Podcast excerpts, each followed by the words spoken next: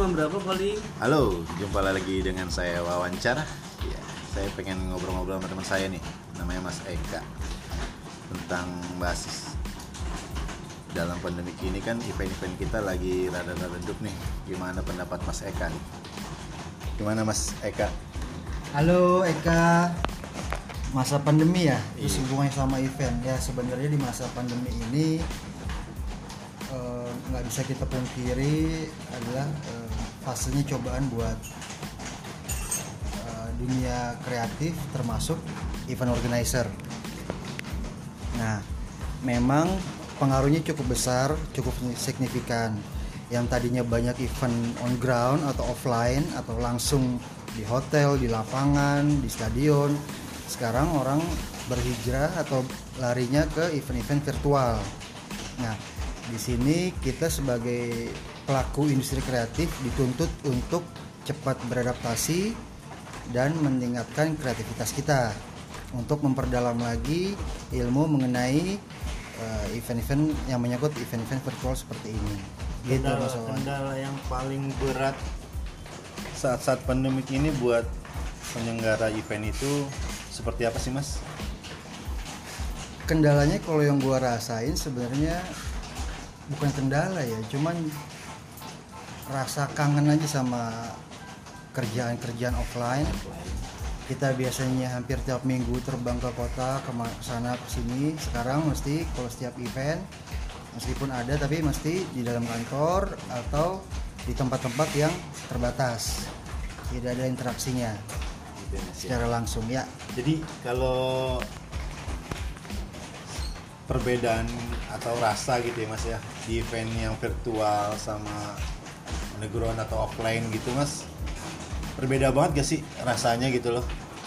Kuahnya atau gemuruhnya lah gitu Mas. Pasti ada perbedaan apalagi mengenai ambience. Karena tidak ada yang bisa menggantikan tatap mata secara langsung, jabat tangan secara langsung, feelnya ya Mas ya? feel-nya sama aura yang di, kita rasakan di dalam sebuah event on ground. Katakanlah di dalam sebuah ballroom atau lapangan atau konser itu meskipun sekarang banyak yang beralih ke konser virtual katakanlah gitu, tapi tidak ada yang bisa menandingi ambience atau feel eh, event secara langsung. event apa yang pernah Mas rasa benar-benar wow banget gitu loh rasanya gitu loh Mas Event virtual atau event on kalau ground? on, the- on ground sama virtual lah on ground itu yang pengalaman gua yang paling banyak dan paling banyak menyita perhatian itu gue pernah megang eh, kampanye ini jadi ngomong parpol tapi Iya, bukan tapi parpol asik nih, tapi Mas. eventnya iya tapi asik nih dengerin nih kampanye Prabowo Hatta itu kampanye akbar di GBK. Wih. Itu pengalamannya sih menarik yang belum pernah gue dapetin. Gue meeting sama pentolan-pentolan parpol gue meeting sama calon-calonnya Hmm. sama orang-orang yang biasanya gue lihat di TV itu gue bisa meeting duduk satu meja bareng mereka. Dan ketika eventnya luar biasa karena apa? Karena eventnya diselenggarakan di stadion GBK. Berarti banyak tuh ya pernah menghadirin itu ya yang hadirin Mas ya? belasan ribu. Wih belasan ribu. Pengisi acaranya pun juga banyak artis-artis pendukung calon itu ya dan kita memobilisasi massa. Itu itu satu hal yang eh, menjadikan pengalaman baru buat gue. Gue mobilisasi massa Jabodetabek datengin bis-bis mereka ke GBK. Ternyata nggak semudah itu ternyata banyak tantangannya di sana. Kalau yang virtual ini Mas sekarang gimana Mas?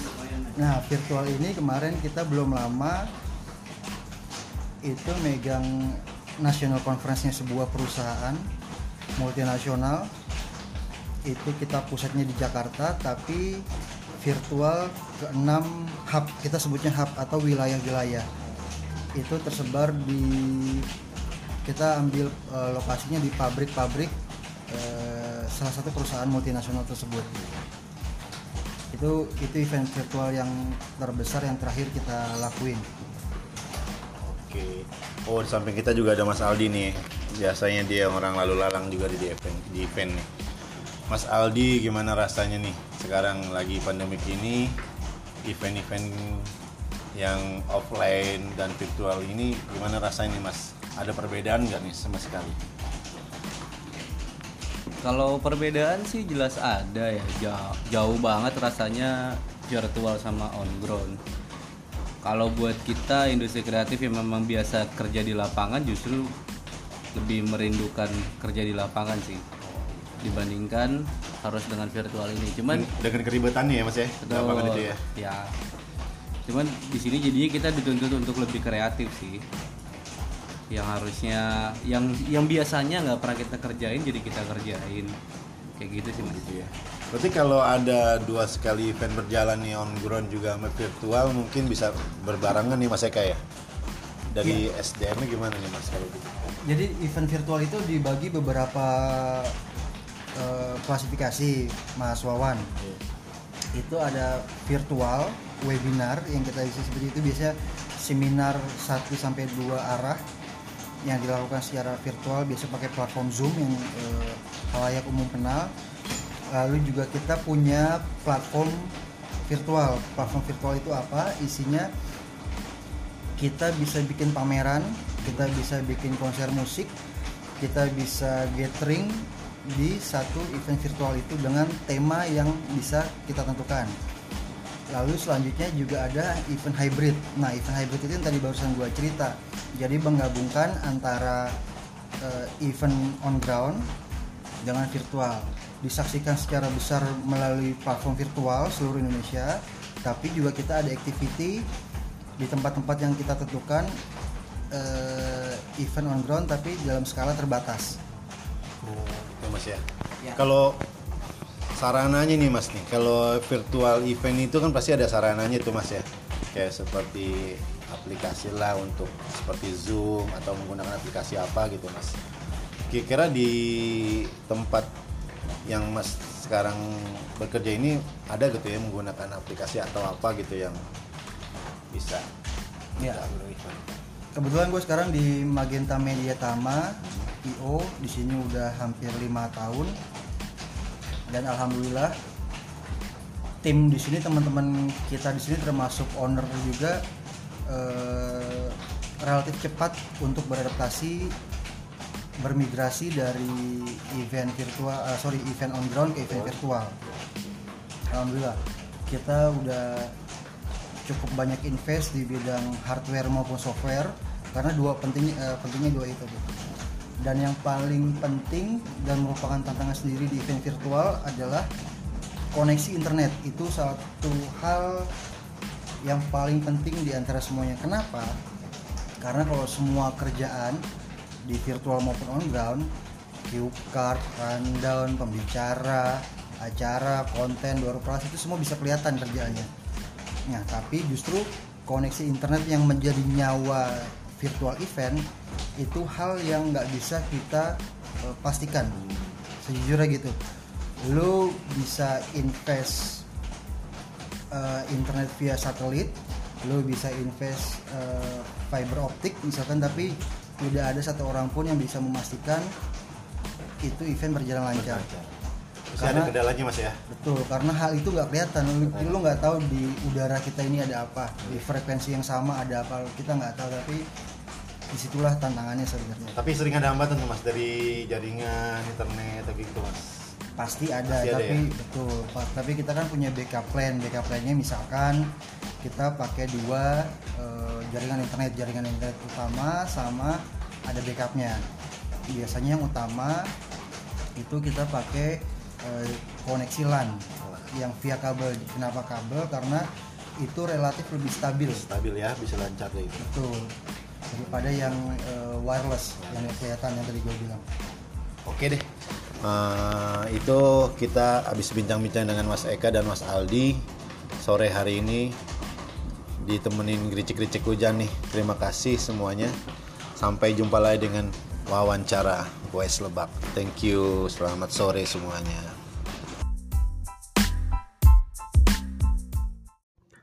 Halo, selamat malam. Berjumpa lagi dengan saya Wawan. Eh, hari ini atau malam ini saya akan cerita tentang keseharian saya setiap pagi sampai malam. Saya seharian saya setiap pagi sampai malam itu ya. Pagi kita berangkat kerja mulai jam 7 gunain transportasi kereta api. Kereta api ini adalah kendaraan umum yang paling asik bagi saya bilang ya. Karena jarak tempuh rumah saya dari Rangkas Bitung sampai ke Jakarta itu stasiun Palmerah keseharian saya benar-benar mengesankan gitu loh. Banyak bertemu dengan orang bergerak-gerak orang. Apalagi musim-musim saat ini adalah musim-musim benar-benar orang mematuhi protokol kesehatan. Yang di mana protokol kesehatan mereka selalu pakai dengan safety banget loh ada yang pakai kacamata goggles ada yang pakai masker berbentuk macam-macam unik. Ada yang pakai sarung tangan karet tangan bahan atau kulit. Di sinilah keunikannya. Pada kendaraan umum yang kita gunakan sehari-hari mereka menjaga kesehatan buat diri mereka masing-masing terutama bagi keluarganya yang setiap hari ditinggal pergi untuk bekerja ke luar daerah atau keluar kota. Mereka itu benar-benar ya safety saya bilang. Gimana? Mereka membutuhkan suatu kegiatan membutuhkan suatu kebutuhan yang harus dipenuhi uh, di saat saat pandemi ini ya kita harus mensiasati seperti itu gitu loh menjaga kesehatan pribadi dan orang lain. Dan juga dari peraturan dari kendaraan umum ini dari PJKA ini atau KAI ini ya memang memang ketat gitu loh. Tidak pernah mengkasih kelonggaran sama sekali apabila kereta sudah padat maka akan ada pembatasan. Memang sih tegan kadang-kadang kita kesal juga karena selalu berbaris berbaris selalu jaga jarak jadi atau kita pulang cepat atau berangkat cepat jadi terlambat ya karena emang harus protokol kesehatan dari yang ditentukan gitu loh jadi bagi teman-teman yang menggunakan kendaraan umum motor atau mobil pribadi ya mungkin tidak merasakan seperti ini. Ini adalah perjuangan-perjuangan yang hebat bagi-bagi kaum bagi-bagi seperti ya orang-orang yang bertekad keluar rumah untuk mencari rezeki. Itulah. Oke uh, kita lanjutkan nanti season kedua ya. Kita istirahat dulu